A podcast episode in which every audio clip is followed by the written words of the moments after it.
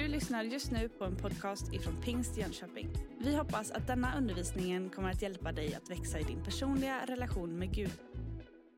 Jag har försökt ta fram massa olika pedagogiska hjälpmedel här. Jag får se om jag lyckas.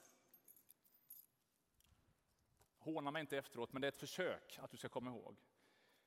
Men jag har tänkt på att ord har en förmåga att dröja sig kvar.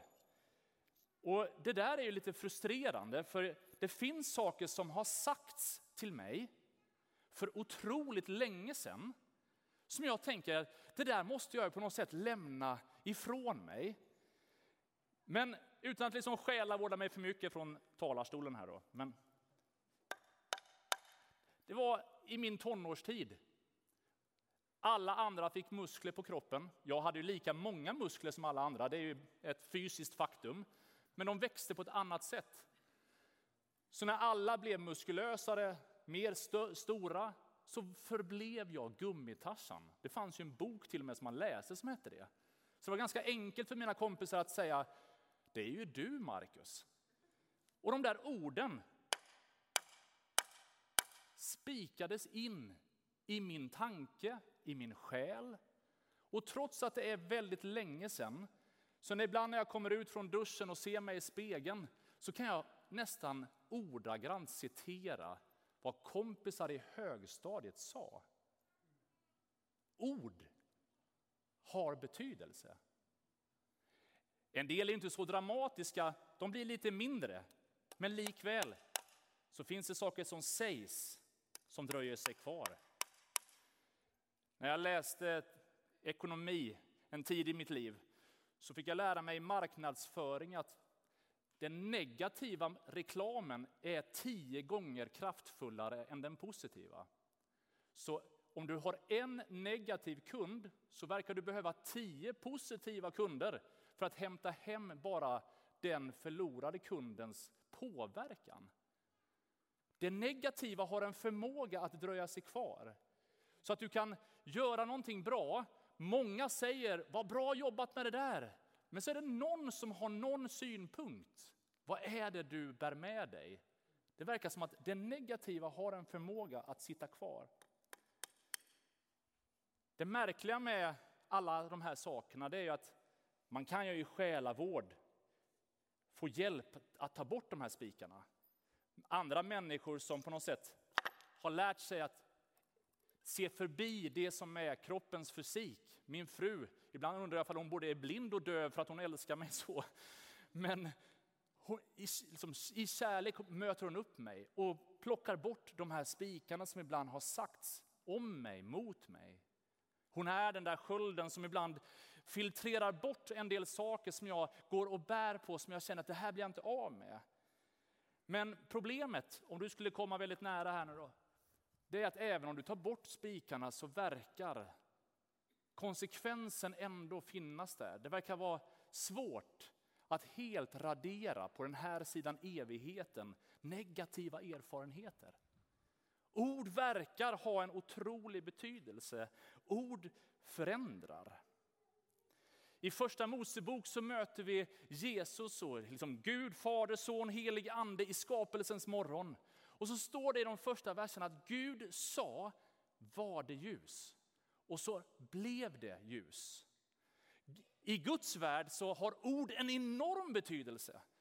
Det är inte så att han bara slänger ut sig någonting och så får man på något sätt tolka det lite som man vill, utan Guds ord är levande, är verksamt och gör någonting med oss. På samma sätt som i skapelsens morgon han sa och det blev, så kan Guds ord när vi läser det, tar emot det, hör det, göra någonting i oss. Det intressanta är att han har valt att vi, du och jag som människor, är hans avbilder. Och även om vi inte har samma skapande förmåga som Gud själv har, så har vi ändå stor påverkansgrad. Våra ord gör någonting också. Därför så säger Ordspråksboken 18 och 21 så här. Tungan, alltså våra ord, det vi säger, har makt över död och liv. De som gärna brukar den får äta dess frukt. våra ord, tungan, har makt över död och liv. Helt plötsligt så blir ju orden ännu viktigare. För nu handlar det inte bara om att man är lite trevlig och klämkäck och lite god och glad sådär. Utan nu kan det ha livsavgörande skillnad. Vad jag säger, vad jag gör. Igår så hade jag förmånen att få vara i Karlskrona på deras församlingsdag och så var det en kvinna som kom fram som hade familj och barn och mannen och allihop var där. Och så berättar hon berättelser från när vi möttes i ett annat sammanhang för över 20 år sedan. 25-30 år sedan kanske. Det är så länge sedan. Och så säger hon, du sa de här sakerna och det har betytt så mycket för mig. Och jag bara kände, det här är ju en bra födelsedag. Liksom. Det är ju sådana där, det jag sa betydde någonting. Men det kan ju också vara situationer, de kanske inte alltid uppmärksammas offentligt från talarstolen på en församlingsdag. Där jag har sagt någonting, det koms ihåg, men fick en annan påverkansgrad. Kanske inte betydde det jag ville. Om du följer med till fjärde Mosebok så möter vi där Israels folk nu har kommit ut ur Egypten. De är på väg till löfteslandet, men de är inte riktigt framme än. Och Moses säger till tolv spejare att ni får gå dit, kolla lite i förväg. Hur ser det här landet ut? Så det är tolv personer som representerar olika stammar, lite olika grupper av hela folket. Och så ska de gå dit och titta och sen komma tillbaka och avlägga en rapport så att de är förberedda för att kliva in i det där landet. Och då, då kommer de tillbaka och så säger de så här i vers 28. Vi kom till det land som du sände oss till. Det flödar verkligen av mjölk och honung och här är frukt därifrån. Men folket som bor i landet är starkt och städerna är befästa och mycket stora. Dessutom såg vi avkomlingar av Anak där. Och amalekiterna bor i Negev, hetiterna, jebusierna och amorena bor i bergsbygden och kananéerna bor vid havet och ut med Jordan. Men Kaleb lugnade folket inför Mose och sa, låt oss genast dra dit upp och inta landet. Sannerligen, vi kan göra det. Men männen som hade gått upp med honom sa, vi kan inte dra upp mot det här folket, för de är för starka för oss. Inför Israels barn talade de illa om landet som de hade spejat på och sa, landet som vi har vandrat igenom och spejat i är ett land som förtär sina inbyggare och allt folk som vi såg där var resliga män. Vi såg också jättarna där, Anaks barn kom från jättestammen och vi var som gräshoppor i våra egna ögon och så var vi också i deras ögon. Då började hela församlingen ropa och skrika. Folket grät den natten. Alla Israels barn klagade på Mose och Aron och hela församlingen sa till dem, om vi ändå hade fått dö i Egyptens land, eller om vi ändå hade fått dö här i öknen, varför leder Herren oss in i detta land där vi kommer att falla för svärd och våra hustrur och barn blir fiendens byte?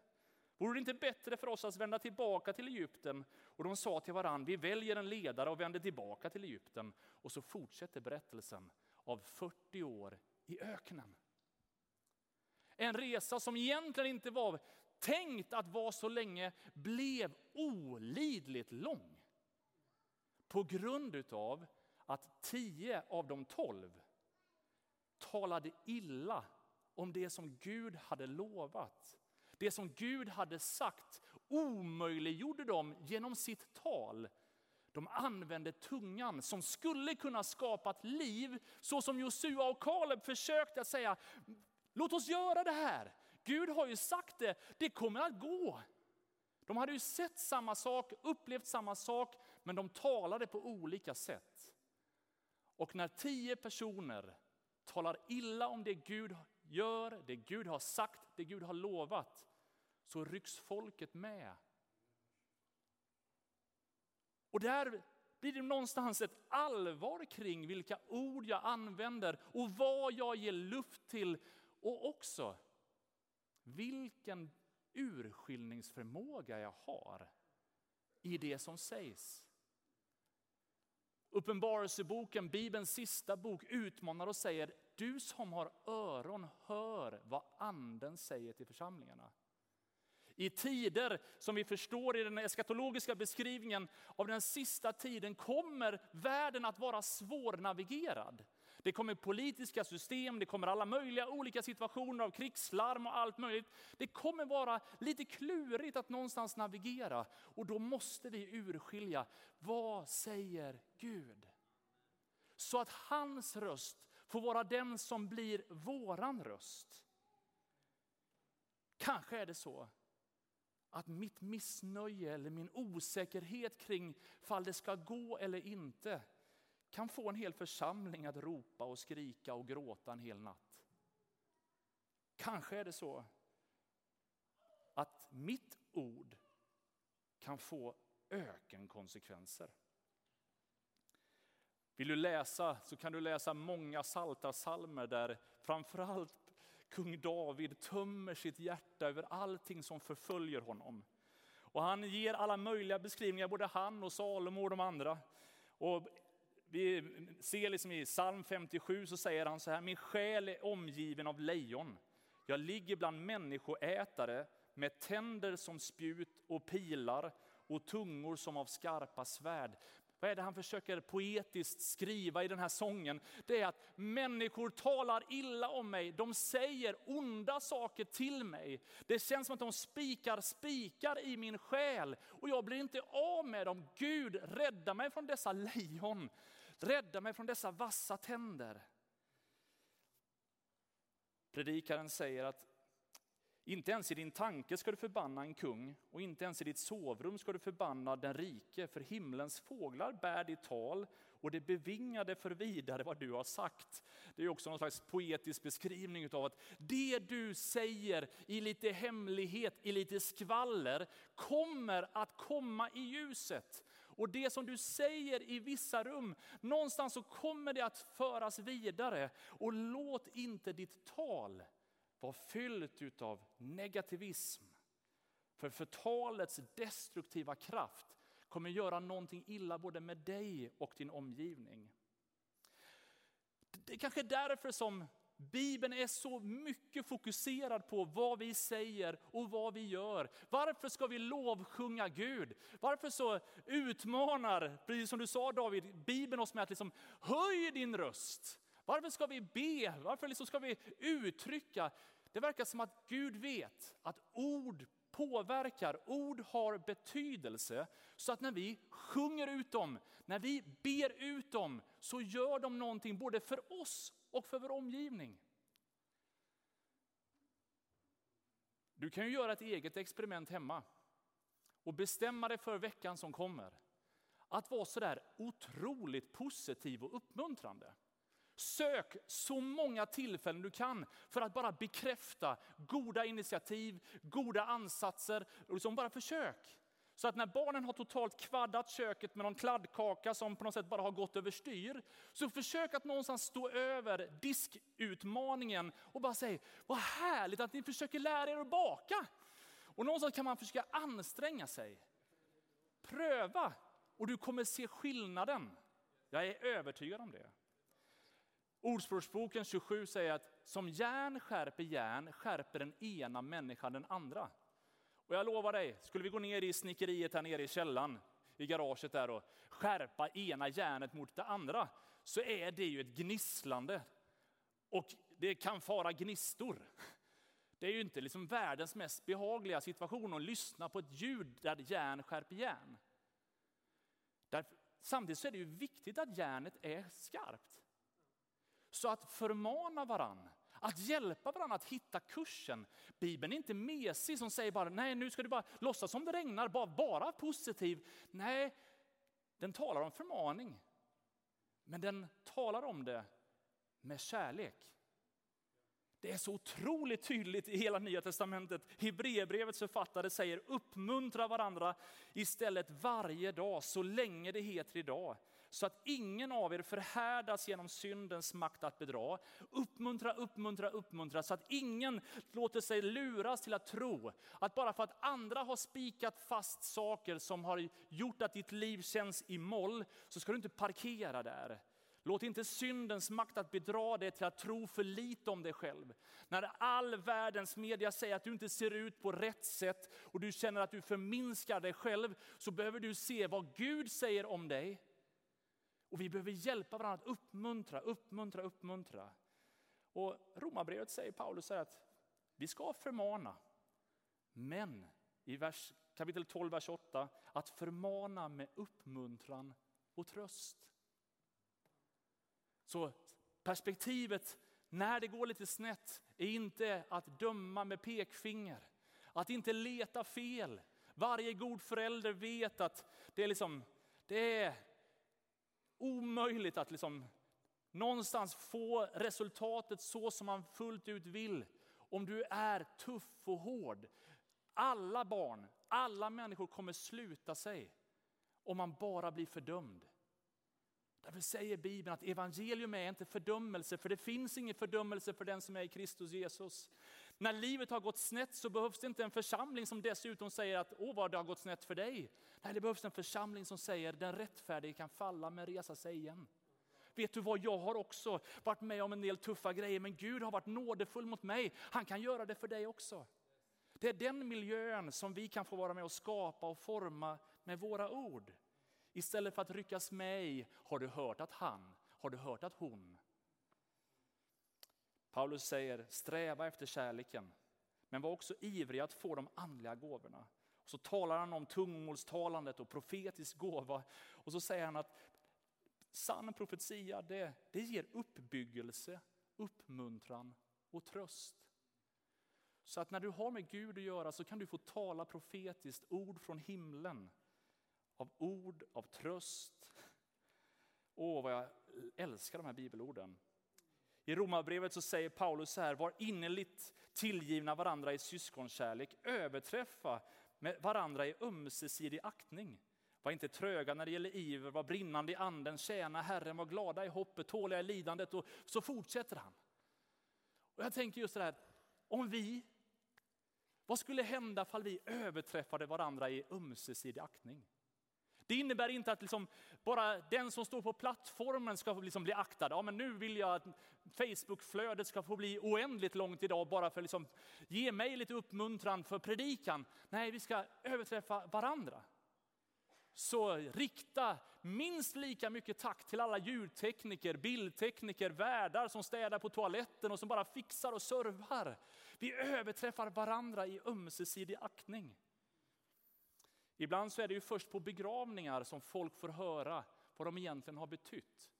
Och då är det ju lite för sent. Ibland så tänker jag när jag är på begravning, undra hur den här som nu är begravd skulle leva sitt liv om den hade fått höra allt detta som nu talas om den redan innan den dog. Hur skulle de sista tio åren i livet bli fall man fick höra allt det som man har betytt och betyder? Kanske att orden skulle göra att man levde lite längre.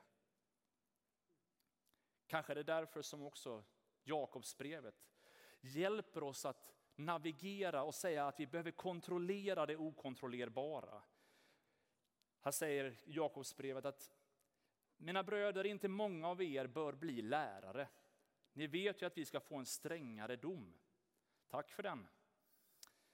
Vi begår alla många fel.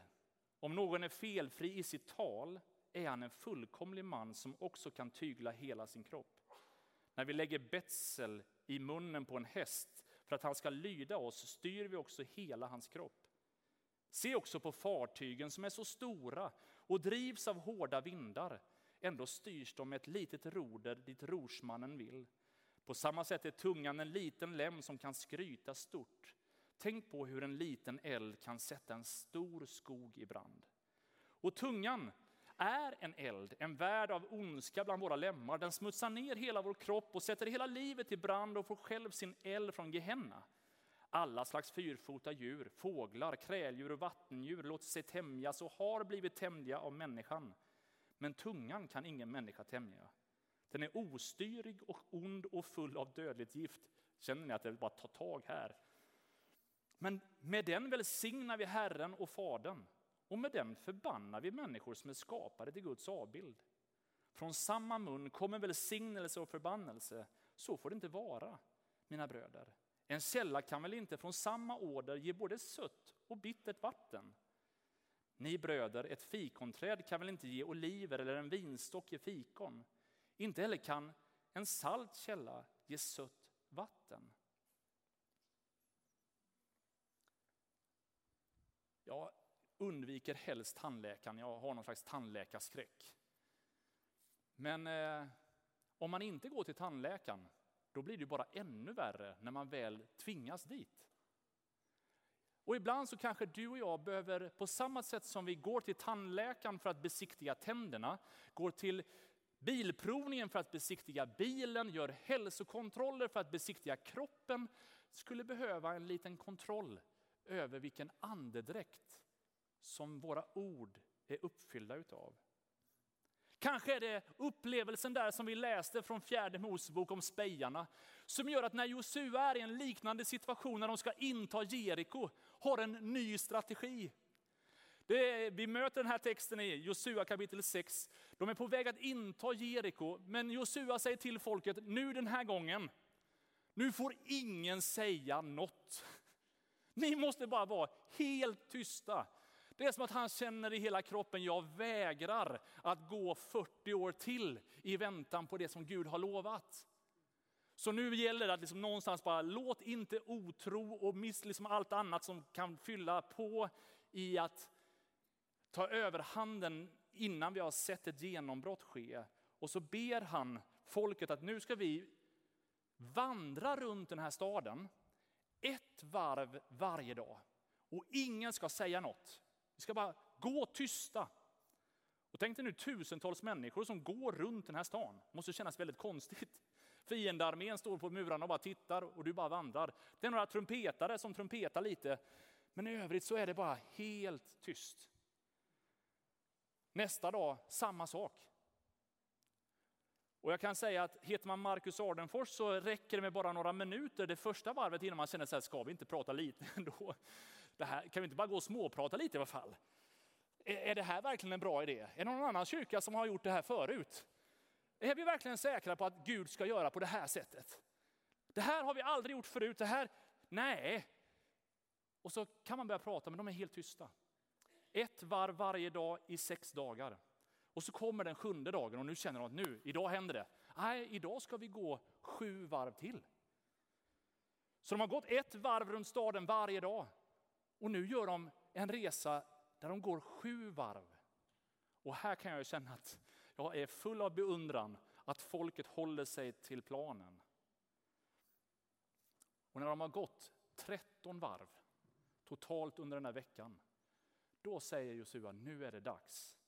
Och så höjer de ett härskri och säger att nu ska Herren ge oss staden. Och så faller murarna och så sker ett mirakel. Kanske är det så att en del av oss skulle behöva vara tysta så att inte våra ord dränker det Gud vill göra. Kanske är det så att din frus gudsupplevelse inte ska besjälas för att du inte tyckte något särskilt om någonting särskilt. Om du har en uppfattning kring det ena eller det tredje, låt inte det beröva någon annans mirakel.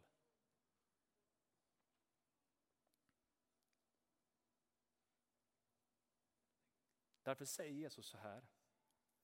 Inget gott träd ger dålig frukt och inget dåligt träd ger god frukt. Varje träd kan kännas igen på sin frukt. Man plockar väl inte fikon från tistlar eller vindruvor från törnbuskar. En god människa bär fram det som är gott ur sitt hjärtas goda förråd och en ond människa bär fram det som är ont ur sitt hjärtas onda förråd. Vad hjärtat är fullt av talar munnen. Ordspråksboken säger framför allt som du ska bevara ska du bevara ditt hjärta.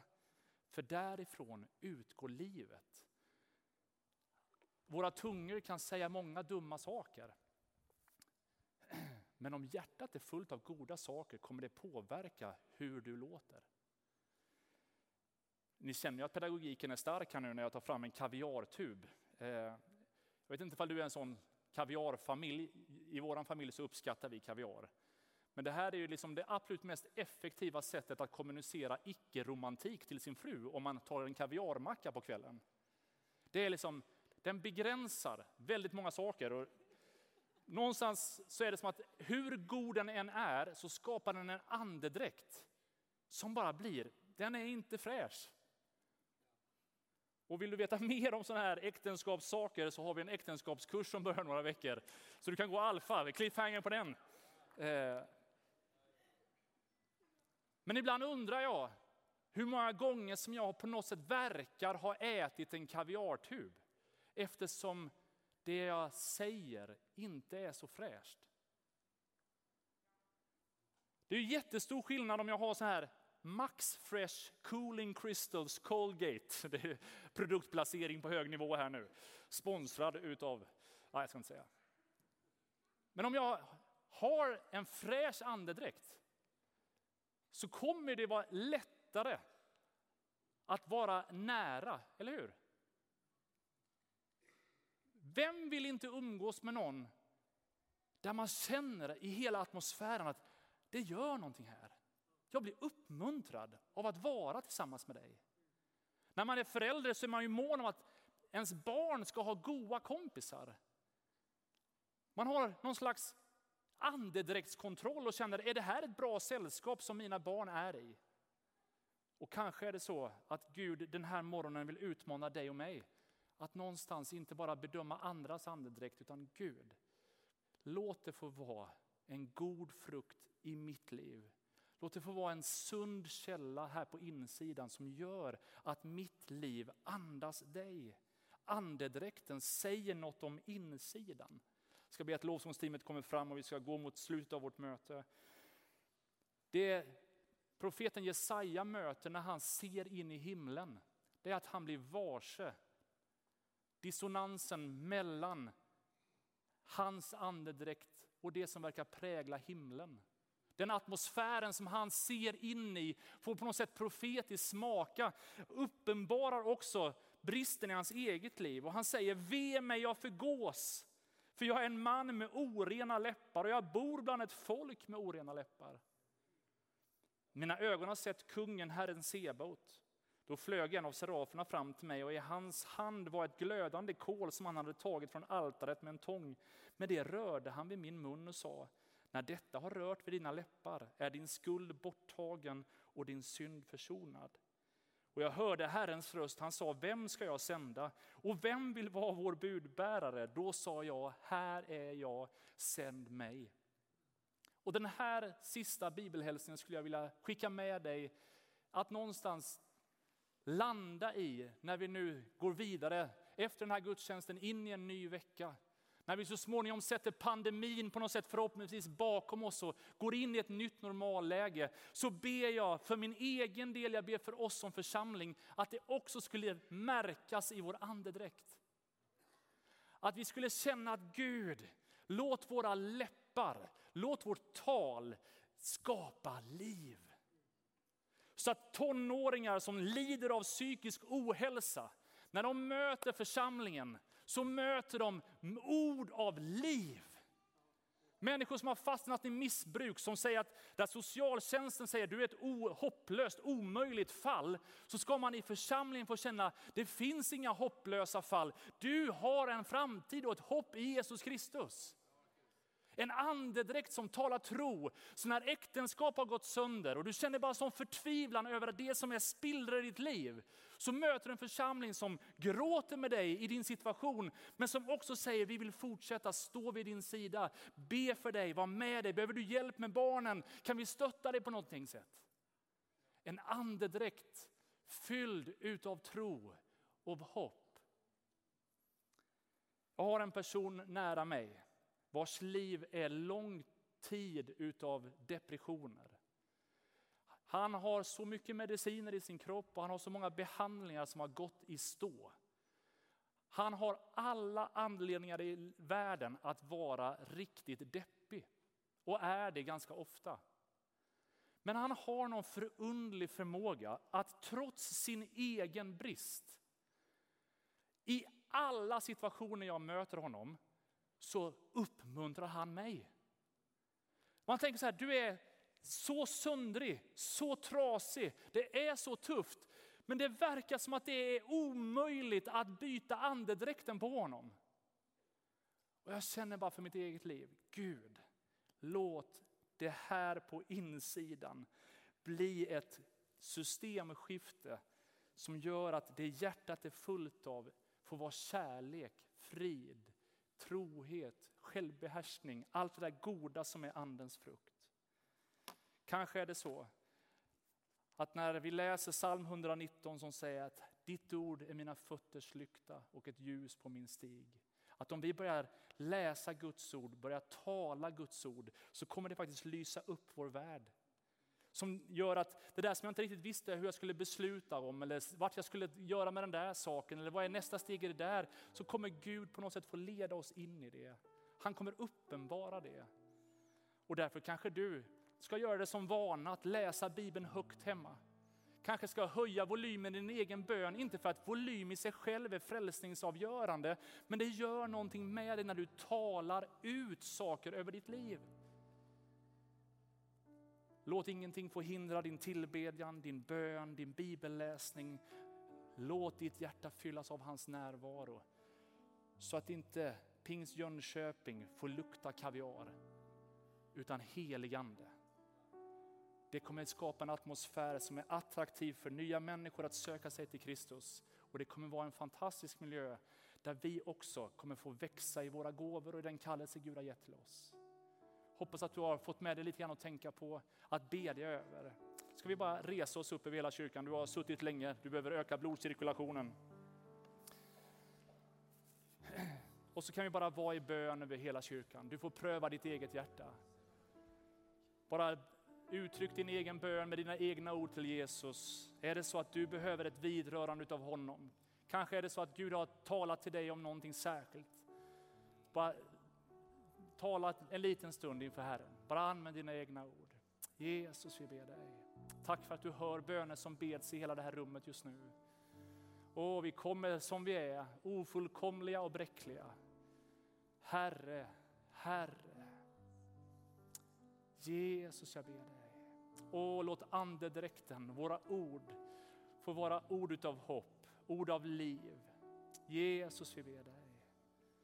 Herre, vi ber dig. Jesus, vi ber dig.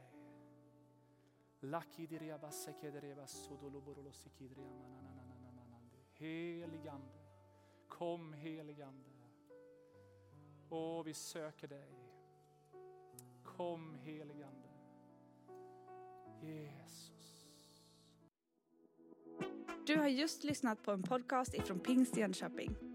För att få reda på mer om vilka vi är och vad som händer i vår kyrka så kan du gå in på pingstjonkoping.se eller följa oss på sociala medier via pingstjkpg.